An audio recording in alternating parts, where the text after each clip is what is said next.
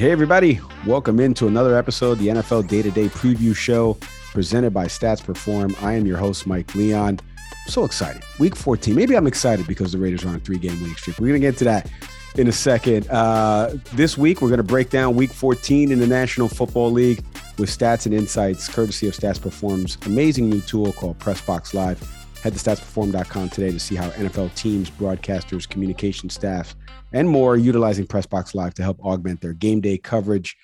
Joining me, as always, the other two amigos to make us the three amigos that break down NFL matchups. First, NFL writer over at The Analyst. Check out all his work at theanalyst.com. Nicholas McGee. Nicholas, say hello to you. It's evening where you are, daytime where I am. How are you, my friend? I'm very well, thank you. Yeah, the uh, the, the the clouds have sorry, the sun's gone in and the uh, the temperature is down in the 20s and the 30s in the Fahrenheit, so it's uh, very cold. Hence my uh, chunky knit uh, sweatwear I've got on today. Wow, that is really cold. I can't, I cannot uh, relate because I'm in Miami, Florida. And speaking of somebody who's in a neutral climate, joining us as always, AI data analyst over at Stats Perform and a contributor on the analyst, Kyle Cunningham Rhoads. Kyle, what's the weather like over there where you are? Oh, a little dreary today. It's like mid 60s, but uh, kind of rainy. Sort of, it's starting to feel like winter is is around the corner. So. I, I, I sound like a weatherman going from the Weather Channel, going to different places now. Let's hear how the weather is over here. Let's hear how the weather is over there. Speaking of the weather, let's get into actual. Uh, I have no transition there, but let's let's get into the sport that we love. We were talking about this off air about. Obviously, we're not going to cover the Thursday night game between the Raiders and Rams. By the time you're hearing this, that game has already completed. But there's a bunch of good matchups happening this Sunday. We're going to break down a few of them, obviously. And let's start first with one that's really intriguing right now the Red Hot Eagles, who Kyle's been on all year long. He's given every NFL award to the Eagles that's possible from O line to Jalen Hurts as well. And they're heading to the Meadowlands at MetLife Stadium there to take on the Giants. The Giants have not had a pretty, uh, since maybe three weeks ago, a kind of a tailspin here the tie, you know, the loss to the Lions, excuse me, the loss to the Cowboys, and then the tie to the Commanders uh, this past week in a game where they probably should have won that game, blew a lead there late. Um, Kyle, I'll start with you first. Eagles, Giants, big matchup here. The Giants right now are, are running on a little bit of fumes. They're going to play the Commanders in a few weeks. That game's been flexed uh, into a, a Sunday night game. And they really need this win right here, especially with what's happening in the wild card races in the NFC the Eagles have a little bit of a lead right here, not only over the Cowboys, but some other teams to get the one seed in the NFC. Uh, what, are, what are some things that you're looking forward to in this matchup Sunday? Well, as somebody who works in season simulations, I'm most upset that those two teams decided to tie last week. Um, that brings all sorts of new scenarios into play that I that I really did not want to have to deal with. Um, we've sort of talked about the Giants repeatedly um, on this on this segment, uh, and you know after their fast start, we were like, okay, like this is we're impressed with what is getting out of this team, but but they're still sort of second to last or or third to last in our team ratings. Um, and even you know as the I think the, but they lost to the to the Seahawks, and it was like okay, this is sort of the first. Uh, you know, we just sort of see what the Giants really are, um, and it's really just sort of gone downhill from there, right? They're dealing with tons and tons of injuries, specifically on defense. Um, and I think that's really where I'm going to be looking is is how the Giants defense is is going to stop this brute force of uh, of an offense in the Eagles. I mean, they've got everything going for them. The Eagles offense and and uh, when they don't run the ball or when they do run the ball two weeks ago, um, they can just pound it down down people's throats. Um, if they face a, a, stout run defense like the Titans, um, they can just say, "No, that's fine. We'll just you know throw back to back 40 yard completions to, to AJ Brown for touchdowns. Um, the first one didn't count, second one did. Um, they're just they're they're a tough team to find answers for, and the Giants uh, are a tough team to uh, sort of find answers. Um, their their injuries, specifically in their secondary, have been absolutely brutal. Um, they're down two or three of their top cornerbacks. Dory Jackson and Darnay Holmes have not played. Um, they've been, uh, you know, Wink Martindale is, is famous for all of his pressures. They've been trying to um, kind of pressure their way into into good coverage. Um, it worked all right against against the Commanders last week, uh, but against a team that again has so many answers and a quarterback as mobile as Jalen Hurts is, um, and as dynamic when he does get on the move. Um, I'm just not I'm not really seeing a place where the Giants um, are going to be able to slow this offense down. Um, it's going to be a really tough task to to keep up with with the amount of points that the Eagles are probably going to score in this game. You know, just as you were uh, saying that, I saw a stat and insight. Obviously, I'm going to give it here, presented by Pressbox Live, about the Eagles' offense and Jalen Hurts. He's been so fantastic this year. He's thrown for 20 touchdowns this season while rushing for nine more, and he's only thrown three interceptions. There's been no quarterback in NFL history that has ever had a season with 20 plus passing touchdowns, eight plus rushing touchdowns, and five or fewer interceptions. I don't know how we get these insights, but I'm telling you, our team does amazing work. Uh, you know, one thing on the Giants, real quick, before I turn to Nicholas and, and get some preview of this matchup, the Giants in that 2020 to tie, that was the 34th tie in team history.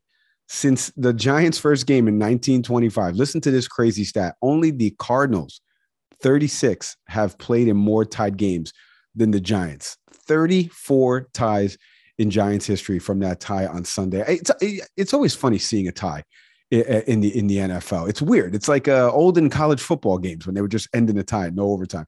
Uh, Nicholas, I turn to you. What what are you looking forward to in this big game between the Eagles and the Giants? Giants on a little bit of a of a spurt here, and the Eagles who can mount them off. Uh, may, maybe they're peaking too high uh, at the wrong time. You kind of want to be peaking going into the playoffs. But what do you what are you looking forward to in this matchup? Yeah, somehow the Cardinals being top of that tie stat just feels right. That feels that feels correct. um, I kind of build yeah build off what you said and what what uh, KCR said. It's it's how on earth for me do the Giants stay in this? Um, we have a stat. Uh, stats perform um, efficiency versus expected, which is effectively how many yards did you get against how many yards you expected to get.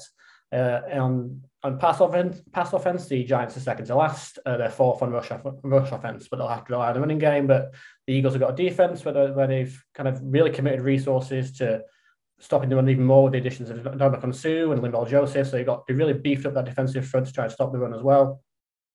Giants 20th in offensive points scored. Philadelphia second. Giants are allowing 5.1 yards per carry. So the, if the Eagles can run down the throat. So as KCR alluded to, so I just don't get how the Giants are supposed to a stop the most diverse run game in the NFL and then keep up with them on offense. It has all the hallmarks of a mismatch for my money.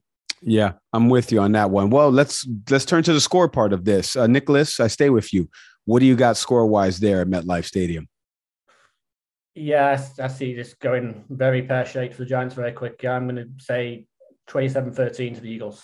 27 13 to the Eagles. Uh, KCR, before you make a pick, one more stat. Maybe, maybe this will get you to sway one way or the other. You've been high on the Eagles all year. The Eagles are, oh, excuse me, the Giants have won consecutive home games against the Eagles.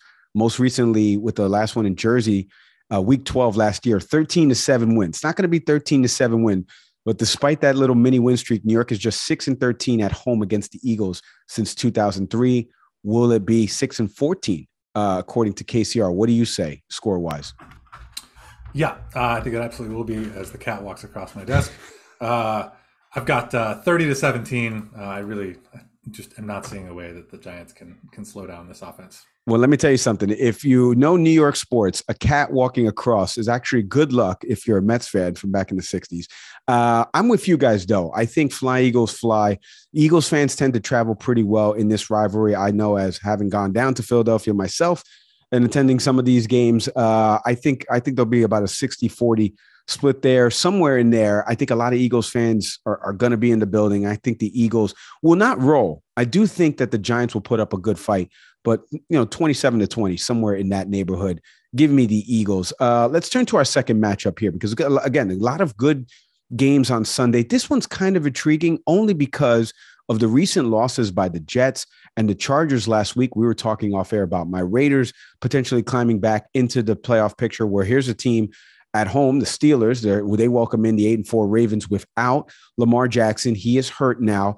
Uh, they barely won that game against the Broncos there. Uh, so it's going to be very interesting this matchup. The Ravens are eight and four right now.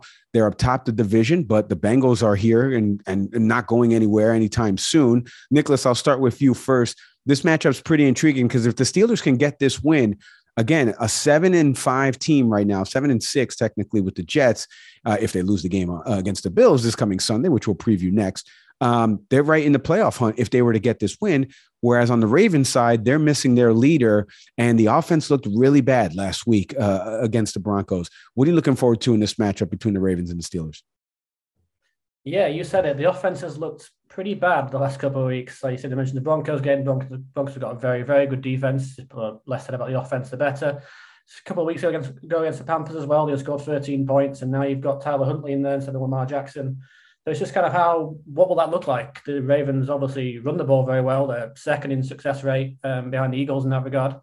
Um, but then the bottom half of the league in pass success rate, and they're sandwiched between the Cardinals and the Colts, which is not a good place to be in the slightest. Um, so, and they're, they're facing a Steelers team that the defense hasn't been maybe what it was in the past, but they're still ranked 12th, uh, top half in the league in uh, run disruption rate. So if Pittsburgh takes the run away, what can uh, Tyler Huntley do to, to get it going? And Pittsburgh have been getting there on offense. I mean, it's not great at times, but he Pickett slowly looking better. Najee Harris is probably having his best stretch of the season. He's got an oblique injury, so we'll see whether he can go. He missed practice on Wednesday, but hopefully he can go. And you've got um, Pickett developing that uh, rapport with George Pickens, two names that go well together. Um, so yeah, I think there's quite a lot of ingredients here for a really close game and potentially an upset. Yeah, I think it is going to be a close game. We're going to get into score prediction in a second, but um, Steelers winning that game last week, a little bit of a surprise, a little bit of a surprise. But the way the Ravens looked, and obviously the injury is the big part here.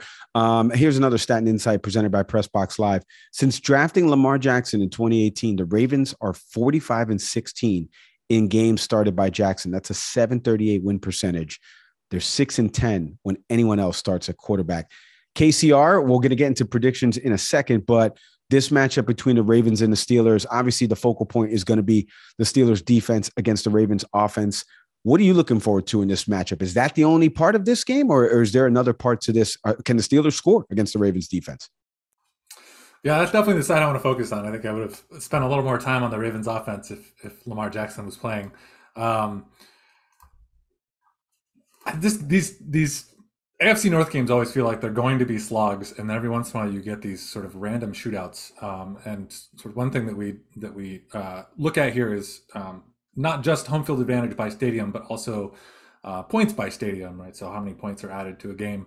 Um, you know, the Cowboy Stadium adds a lot. All the Dome Stadium adds a lot, and oddly, uh, Heinz Field or whatever they're calling it now also adds a lot. I have no idea what that is. I don't know if it's just a fast turf uh, if the conditions are great, if the field just encourages scoring, we're not really sure. Um, so this idea that it that it could be just kind of a slog, defensive heavy game, um, that's kind of what I thought was going to be going in. Um, but then we ran our our models and and it sort of predicts a lot of points. Um, I think the Ravens defense is is really really hard to run against. Um, you saw the Broncos really struggle with well everything, but specifically the running game last uh, last week. Um, that interior with with Calais Campbell, who's still just wrecking faces at, at 36 years old. Uh, it, Justin Madubuike, um, another good young player for the Ravens that they've that they found who, who sort of flies under the radar.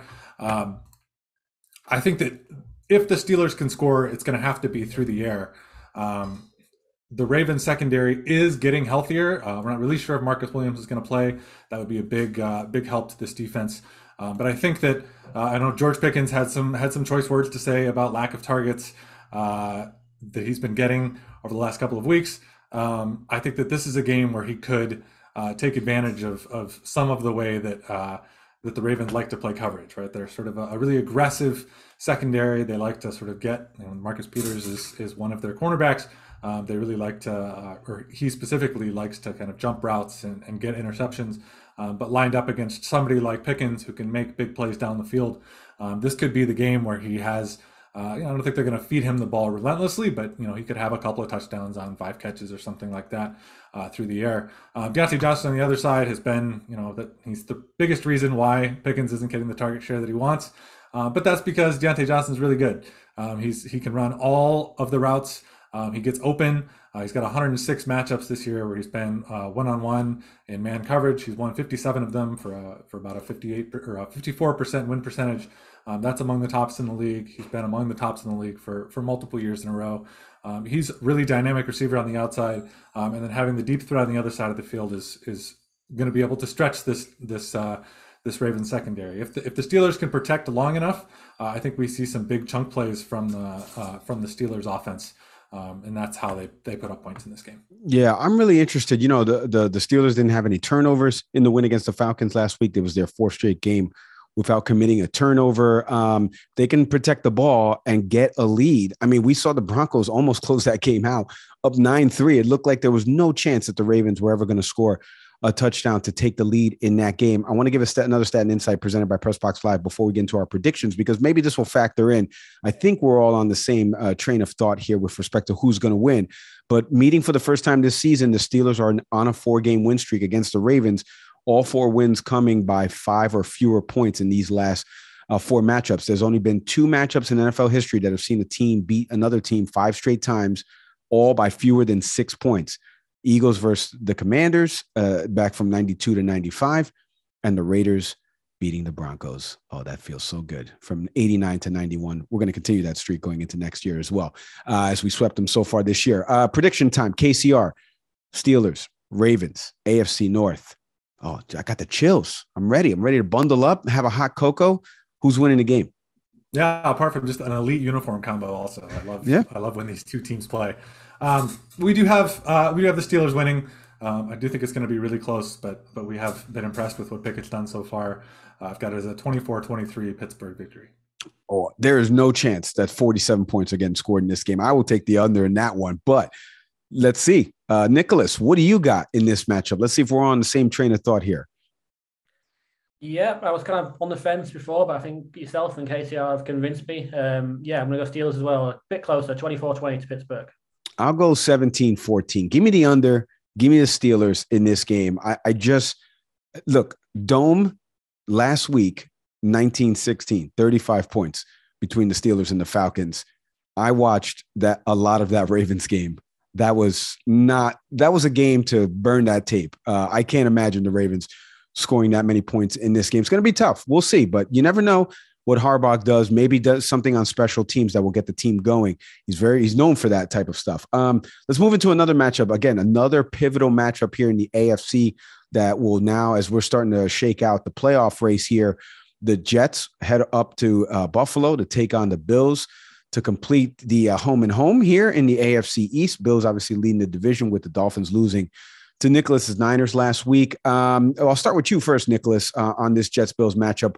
We've been killing Zach Wilson. You've been killing Zach Wilson a lot. As a matter of fact, Zach Wilson, if you want to write into Nicholas, you certainly can. Um, but he's no longer the quarterback, right? Mike White has taken over now. Last week, the uh, falling to the Vikings, you know, that game a little out, out of hand in the first half, and then Jets kind of making it close towards the end, not able to pull it out. Uh, what do you expect? And the Bills obviously winning on Thursday against the Patriots. Uh, what are you expecting in this matchup between the Jets and the Bills? Yeah, so in the Week Nine matchup where the Jets uh, stunned the Bills and effectively just said, "Zach, don't do anything stupid," and he didn't do anything stupid in this occasion. The Bills, we had our our, our numbers only registered six pressures, but Wilson's time to throw was uh, 2.05 seconds, which is absolutely lightning fast uh, for the NFL, which shows you just getting the ball out, rid of the ball immediately when you got back to pass. But now you've got Von Miller missing for the season um, with torn ACL for the Bills, and you've got Mike White at quarterback. Um, and Mike White's been pretty good under pressure, um, 85.7% uh, well thrown rate under pressure, so accurate nearly 86% of the time when he's been under pressure this season. Um, so, do the Jets kind of change up the formula a little bit? Do they still go with let's get the ball out really quickly and negate any pass rush that the Bills have, or do they allow Mike White to hang in the pocket, hit some longer developing plays to the likes of Garrett Wilson and Elijah Moore and that really good receiving corps? So, it'll just be really interesting to see how how they approach it because I think I, I don't speak for KCR, but I think he would agree with me that the Jets defense is probably likely to keep uh, New York in it, regardless of the approach that they take. So, it's just kind of what approach do they take? Do they switch, switch it up, or do they, they stay the course with what worked last time? Yeah, you know, I, I saw a stat, uh, obviously from our tool, Pressbox Live. You can head to statsperform.com today to check out this Pressbox Live tool. But Mike White, last week, you were talking about Mike White, and he had 369 yards passing last week, zero touchdowns. That's a little bit part of the problem. He is uh, the first Jet quarterback to ever throw for more than 350 yards without a touchdown pass. The, the last player to do so in the NFL, forget about Jets history, was Kyler Murray in week 14 of last season. So the Jets were able to move the football last week. And again, maybe some of that being late in the game there where, it, you know, the, the Vikings maybe playing a little bit softer in the coverage. Maybe KCR has more on that. Uh, KCR, Jets, Bills, what are you looking forward to in this matchup here in Orchard Park? I think it's Josh Allen against the Jets defense. Um, and last time they they sort of bottled them up a little bit. Um, on the year, we uh, we have the Jets as the number one cover team in the NFL, the number one pressure team in the NFL, uh, and the number 13 um, run defense team in the NFL. Now, that's all just measuring one-on-one matchups um, on an individual level. Um, they their defense is is fantastic. Uh, they they've got playmakers at all levels. Um, Sauce Gardner has been has been absolutely fantastic uh, on the year. He is uh, he has let's see 76 one-on-one matchups in man coverage. He's only lost 16 of them. Um, 18 losses in 74 zone matchups, so he can really play man or zone, um, which is great for for what this team likes to run. Um, lots of man coverage, lots of cover four. Um, he's he's he's just been absolutely fantastic for a rookie. Um, I, am not sure he really plays one side of the field, so I'm not sure how many um, you know Diggs on sauce matchups we're going to get. I'm hoping that we get that we get quite a few of them. Um, Justin Jefferson got him got him a couple times last week. Um, he got Jeff, Justin Jefferson a couple times last week. Um, I think that is the matchup uh, that I'm really looking forward to. Um, and then the Bills sort of uh, transition into a uh, more of a running offense over the last a couple weeks of the season. I think that part of it is is Josh Allen's injury, um, but they've really sort of ramped up uh, their run percentage over the last couple of games. That is a weakness for the Jets is is run defense. Um, so whether or not they they sort of rely on the run, um, you know, prevent uh, Josh Allen from having to, to throw 45 times against this really stout um, this really stout pass defense for the Jets. Um, that that Bills offense against Jets defense is is going to be something that I'm really, really interested in this week. Well, you know, the Jets, uh, when they won that week nine matchup that Nicholas was talking about, they snapped a four game losing streak to the Bills here. Buffalo, however, is seven and three in their last 10 home games against the Jets.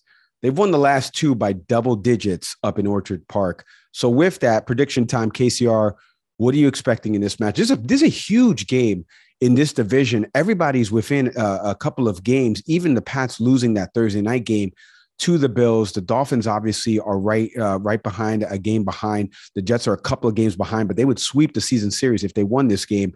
Uh, what do you got score wise there, KCR? So I do have it a little closer than than what the, the odds makers seem to be putting it at. Um, I've got it at about a touchdown game, so uh, about 24-17 uh, Bills victory. And Nicholas, what about you? Yeah, I'm, I'm the same. Uh, one possession game. I'm going 28-20 to Buffalo. Yeah, I'll meet you guys in the middle, like Price is Right, with the guy who always says, you know, fourteen ninety nine, and it ends up being fifteen hundred. I'll say 27 20 as well. One possession game. Got to trust Josh Allen in that spot. I, I, know Jets fans are a little high on Mike White right now, and again, a good week last week passing, minus the no touchdowns part of this. But I think the Bills will prevail in this matchup, extend their lead a little bit in the AFC East. Uh, let's move over to another division. Uh, well, can't really move over to another division because neither team plays in the same division. But we'll go to the NFC side of the ball. Last week, I mean, if you were watching that Monday night game and you fell asleep when there was about five minutes left, let me tell you something. Like I did, you missed the entire game because the Bucs and the Niners is the matchup we're going to break down here. Tom Brady. Uh, defying the odds and down 16 to 3 somehow wins that game again i fell asleep i was like oh wow another bad loss in a division where everybody would now be below 500 Tom Brady said, "Nope, I'm going to take care of that," and they ended up winning. The Bucs are six and six now. Now they head to the Niners, where Nicholas. We're going to start with you first. This is your team. Jimmy Garoppolo is not out for the year, but he may return later on in the year. Uh, obviously, Trey Lance has been out for the season. The quarterback issues, they weren't able to get Baker Mayfield. He ended up going on waivers to the Rams. Not sure if he would have helped or not. You'll get into that in a second. Uh, but the Niners are on a little bit of a roll here. They were still able to take care of the Dolphins even without Jimmy G. Um, what are you expecting in this matchup between the Bucs and the Niners as Tampa comes cross country? Yeah, I don't think I've ever finished a game where my team's won five in a row and felt more conflicted about it. But um, yeah, this is this is all about Mr. Suddenly Relevant, Mr. Brock Purdy. Um, this is all about what we saw against the Dolphins. Was it real or was it a mirage? Because I think what we saw against the Dolphins was pretty impressive, to be honest. Um, I mean, we watched the tape of that. I mean, he just guy was poised, he was accurate, he was decisive, he made full field reads, he moved defenders with his eyes, and he dealt with pressure really well. Um, our data counted 11 snaps where the Dolphins sent five pass rushers, five pass rushers all sent a defensive back on a blitz, and his well thrown rate on that was nearly 82%. and it was nearly it was 86 and a half uh, for the overall in the game in any kind of snap. So it it was really really impressive, and it will have to be really impressive again because I think the Bucs defense is better than that Dolphins defense. But and they're going to throw a lot as well. Todd Bowles will throw a lot at the uh, seventh round rookie making his first start. Um, a lot of different looks there, and they'll probably take the run game away as well because they're fifth in success rate against the run. Niners looked a little better against the run, uh, on the on the ground. Sorry, last uh, last week uh, numbers don't really reflect it, but they're getting a little bit more out of the rookie Jordan Mason, who's kind of looks like he might build a decent partnership with Christian McCaffrey, but with what the Bucs can do up front against the run, this this is all on Purdy's shoulders again. Um, if he can deliver a repeat performance, I think the Niners will probably be fine because I didn't really see anything outside of what happened after you fell asleep um, from the Bucs to suggest um, that they'll have sustained success here against a defense that is just putting together a remarkable two-year run of dominance. To be to be really honest.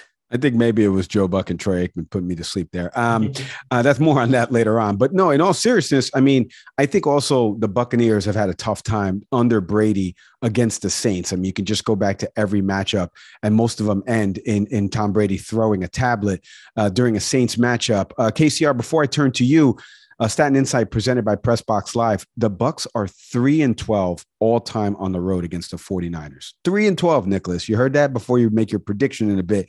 Uh, among teams with at least five all-time road games against the Niners, no team in NFL has a worse record than the Tampa Bay Buccaneers. 3 and 12 in San Francisco. That's terrible. 15 matchups in San Francisco. KCR, does the trend continue? We'll get into predictions in a second, but what are you looking forward to in this matchup between the Bucs and the Niners?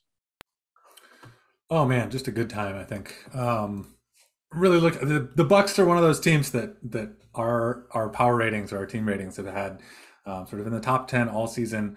Uh, they have a they have a great defense. They have a ridiculous amount of talent on offense, and it's just they have these stretches where you have you know four or five consecutive plays where you're like, man, that is an impossible offense to stop, and then they have two one yard rushes and the defense runs a pressure look and uh, and they have to punt. It's it's a really kind of frustrating experience watching uh, watching the Bucs offense. Um, they did, I think, those last couple of drives against the Saints looked like what we expect to see uh, from from the Bucs offense. Um, but they have uh, one heck of a test this week. Um, the the Niners defense is is is really something else. Um, and I think that if Tristan Wirfs doesn't play, um, which I don't think that he will, that's going to be a huge, huge hole for them um, against the Niners because Nick Bosa, for the most part, lines up against the right tackle. Uh, and Bosa against Wirfs uh, would have been a really, really good matchup and, and almost an even matchup. Uh, Bosa against what is probably going to be Josh Wells, not such a good matchup for the Buccaneers. Um, that's that's a place I, I, I think it, Wirfs is a long shot to play. Um, I wouldn't expect him to, um, but just seeing how how this offense uh, attacks when they're when they're going to be uh, when the defense when the defensive line can really sort of pin their ears back and get after a quarterback who is not going to scramble. Um, if they can get the ball downfield to Mike Evans, if he has time to be able to do that. Um, other than that, I think it's going to be a really, really heavy uh, sort of running backs uh, out of the backfield, catching passes. Um, Chris Godwin, kind of a lot of what we saw against the Saints. Um, and we saw how that offense looked against the Saints uh, for most of that game. Um, I think that that uh, Brady could be really, really, really frustrated in this game. Um, but it's going to be a great viewing experience.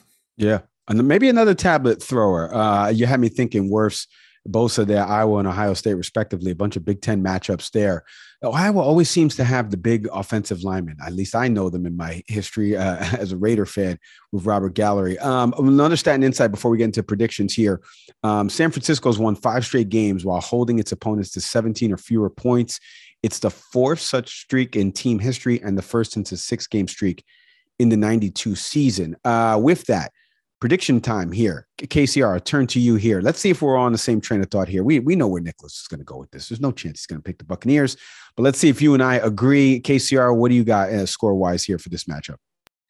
Yeah, this one's a really tough one, and I'll throw a little caveat that when you have a quarterback starting for the first time who has very very limited snaps, it's really tough to have sort of the amount of data necessary to have a sort of a good indication of what the quarterback is. Um, I was impressed with what I saw for the most part. There were some some times when he just sort of turned around and, and hucked the ball downfield. Um, I don't think that's a good practice uh, in the NFL. Uh, but we do have uh, we've got the Bucs favored um, by five actually, so we've got a 24-19 victory for the Buccaneers. Oh, okay, Buccaneers. Nicholas, what about you? Let's see where you go here. The heart versus the head. You've said that before when picking Niners games. What is it telling you now? No, you know me. I'm, I'm going with the heart. Um, uh, yeah, I think I think it'll be close. You definitely look at one possession, but I, I'm I'm not betting against Brock Purdy until I see otherwise. So twenty to fourteen to the Niners. You know, listen. Again, I fell asleep for most of that second, but I watched. I, there was a great line from somebody on NFL Live um, that said this: you can pay attention to the last couple of minutes of Brady versus the Saints. I'm going to pay attention to the first 57 minutes where he was not good against a competent defense that was missing a few players. The Niners on, on the defensive side of the ball are pretty relatively healthy. Uh, I like the Niners at home right now on this stretch here. Uh, give me, I, I'll say Brady won't be frustrated. He'll put up some points, but I like 24 17. I will stay with Brock, the superstar uh, and the Niners as they continue this stretch here. All right, let's get into our final matchup here. Uh, as we stay and now no we go back to the AFC excuse me the Sunday night game it got flexed last week into the Sunday night position the team you just saw last week Nicholas and the Dolphins that that lost to the Niners on the road they head uh, to LA to take on the Chargers the Chargers obviously coming off a road loss in Vegas against my Raiders which I couldn't be happier about because I ate a bunch of barbecue chicken and then I mailed the uh, the scraps to Keenan Allen's house. Um, let's get into this game. Uh, Nicholas, I'll start with you first. The Dolph- this is a huge game in the AFC. Again, we mentioned it. We're in Week 14, folks. Only a few weeks left here in the season, playoff positioning and stuff like that. The Chargers are on the outside looking in. If they had won that game, they probably would have been the seventh wild card spot, flip flopping with the Jets. They are not. They are six and six right now. The Dolphins obviously are in the five spot right now in the wild card race, and they're chasing the Bills. We talked about the Jets and the Bills matchup earlier. What are you expecting in this matchup with Dolphins and the Chargers, Nicholas? Yeah, my um, one of my younger brothers is a Dolphins fan, and he's getting pretty uh, frustrated at the uh, Twitter discourse and the kind of national discourse post that Niners game. Um, I think he'll be feeling a lot better after this game. I have quite a hard time believing they aren't going to bounce back here. Um, he was off, for lack of a better word, against the Niners, missed a lot of deep balls, plenty of which were open to Tyreek Hill, but a lot of that was also, as many people have already pointed out, the depth of the linebackers for the 49ers, but Warner and Greenlaw both had great games, really made it hard for him. Um, and he, against the Chargers, he won't be dealing with a defensive front that's as fearsome as what he faced last week, certainly not without Joey Bosa there. Um, it's Brandon Staley can cook up good good game plans. He did that against my Niners a few weeks ago, where he could really frustrated them for three quarters before they got it going. But it's not a good defense still for somebody who's hung, hung his hat on defense when he got the job. It's the uh, fourth worst against the run by success rate, and it allows the eighth most yards per, yards per pass play. Um, so I just think everything is set up here um, for the Dolphins to really get back on the horse. Yeah, you know, the Dolphins had a five game winning streak that was snapped last week, and they only rushed for 33 yards on eight carries. But good news for you Dolphin fans out there with a little stat and insight presented by Pressbox Live. They're 12 and 4 since 1995 against the Chargers. That's the second best record against any AFC East team, uh, excuse me, any AFC team in general. Uh, the only other team that they're better than is the team that lives in my heart, the Raiders, where they're 13 and 4. By the way, that is also the Chargers' worst record against any AFC team in that span. They only have a worse record against the Patriots in that same stretch where they're 3 and 10. So 4 and 12 for the Chargers against the Dolphins. Will it be four and 13 KCR?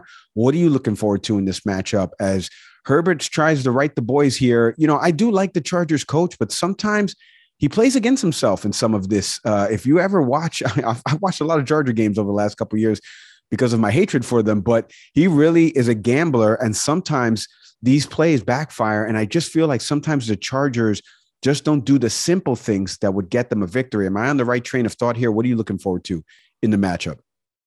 Yeah, it's been real frustrating to watch them. It's funny you say he's a gambler because that was sort of how, you know, when he first uh, was announced for the head coach, um, that was a thing that he sort of said that he was going to focus on. Last year, it was, it was, he was correct, right? He, he went for it on fourth down all the time. Um, this year there was uh, there was a lot there was some early season scenarios where he just didn't, and it was a really strange experience because he was so such a proponent of it last year. Um, he's gotten back a little bit more towards the towards the go for it. Right, they went for two a couple weeks ago to to close it out, uh, win the game. Uh, but I think what I'm really looking forward in this game is is really just the quarterback matchup. Right, these were these were two quarterbacks uh, in the same draft that everybody was talking about. Um, they were uh, it looked pretty clearly like the Chargers got the better end of the deal um, until Mike McDaniel took over the the Dolphins and and really sort of developed an offense that that's suitable for for Tua. Um, this year, uh, one of the ways that we evaluate quarterbacks is we look at sort of how many yards they're getting um, over expected in expected passing situations. So when the defense knows that you have to throw the ball, how successful are you? Um, Tua has 227 uh, plays where there is uh, the defense is expecting pass. Um, he is plus 1.8, so almost an extra two yards um, per play. Uh, Herbert has 406 such plays this year, so that's that's a lot more. That's sort of a testament to uh, how the Chargers have been playing from behind. Minus 0.2, so he has been worse than uh, worse than expected in those situations. That's that's a pretty big shock, and I think really has um, you know you can sort of look at look at the weapons that each team is playing with. Right, Tua is throwing to Jaylen Waddle and Tyreek Hill. Um, there's a lot of YAC going into going into that number. Um, but again, credit to Tua for having just a ridiculously quick release. Um, you know, uh, Nicholas is very familiar with with quick quick release quarterbacks, leading to lots of YAC. Um, you put quick release quarterbacks with playmakers. The ball is in the playmaker's hands before the defense knows what's happening. Tons and tons of YAC Um, whereas Herbert has been has been really sort of devoid of wide receivers this year, right? Lots of uh, lots of injuries to, to both Mike Williams and Keenan Allen. Uh, Allen is back, but he just he doesn't quite look healthy. Uh, last week I had him for 16 matchups, one on one and man. Uh, he only won three of them. Um, that's a that's a pretty significant decline from, from where he's been in the past. Um, the good news for the Chargers offense is that uh, the, really the, the the area of the Niners passing offense that was dynamic and explosive last week was passes to the running back. Um, granted, Christian McCaffrey is is sort of a, a special running back, but somebody who is very similar to him is Austin Ekeler, and that is uh, that is one of Herbert's favorite targets. Um, I think Eckler could have uh, a big game, um, but uh, keeping up with this with this Dolphins uh, this Dolphins attack is going to be uh, is, is going to be a real challenge for um, for this Chargers defense, who, as Nicholas alluded to, has just been uh, an absolute dumpster fire this year. No, it's true. I mean, Carr, we had a couple big plays there on the flea flicker throw. Davante Adams was able to eat up that secondary as well, and, and Jacobs obviously running the ball. Uh, but the Raiders have been obviously pretty good over the last couple of weeks. Um, one stat I wanted to give you guys real quick, both of you guys, uh, maybe it'll factor into the predictions. The the the, Ra- the the Raiders were actually trailing in that game last week at halftime, thirteen to ten. The Chargers have had four losses this season in games in which they led at the half. It's the second most in the NFL behind Russell Wilson cooking for the Broncos, uh, if you get that analogy from all the memes. Um, the Chargers, again, if they have the lead at halftime, four losses this year in the second half of games. I don't know what's going on in the locker room in the second half. Adjustments have been not made clearly with them blowing leads, uh, however small, with that prediction time. KCR in the final matchup on the Sunday slate. What do you got, Dolphins Chargers score wise, prediction wise? I do think the Dolphins are going to win. Um, I just think they're they're a better team right now. Uh, I've got it as a uh, 23 to 20 victory, so lower scoring than than what we might expect. Um, but I do think that the Dolphins pull it out. And Nicholas, what about you? Yep, I agree with KCR. Um, I just think offense looks so hard for the Chargers most of the time, and defense looks hard as well by equal measure. And the offense looks pretty easy apart from last week for the Dolphins uh, for most of the season. I think they win this. So I'll give one possession, 24 17. You know, it's so funny because we're all stacking everything against the Chargers and they don't really have much of a home field. And I know Keenan Allen just came back last week, but you were mentioning they've, they've had injuries with wide receivers. Josh Palmer leads them with 612 receiving yards. Uh, who the hell is Josh Palmer? You're probably asking yourself.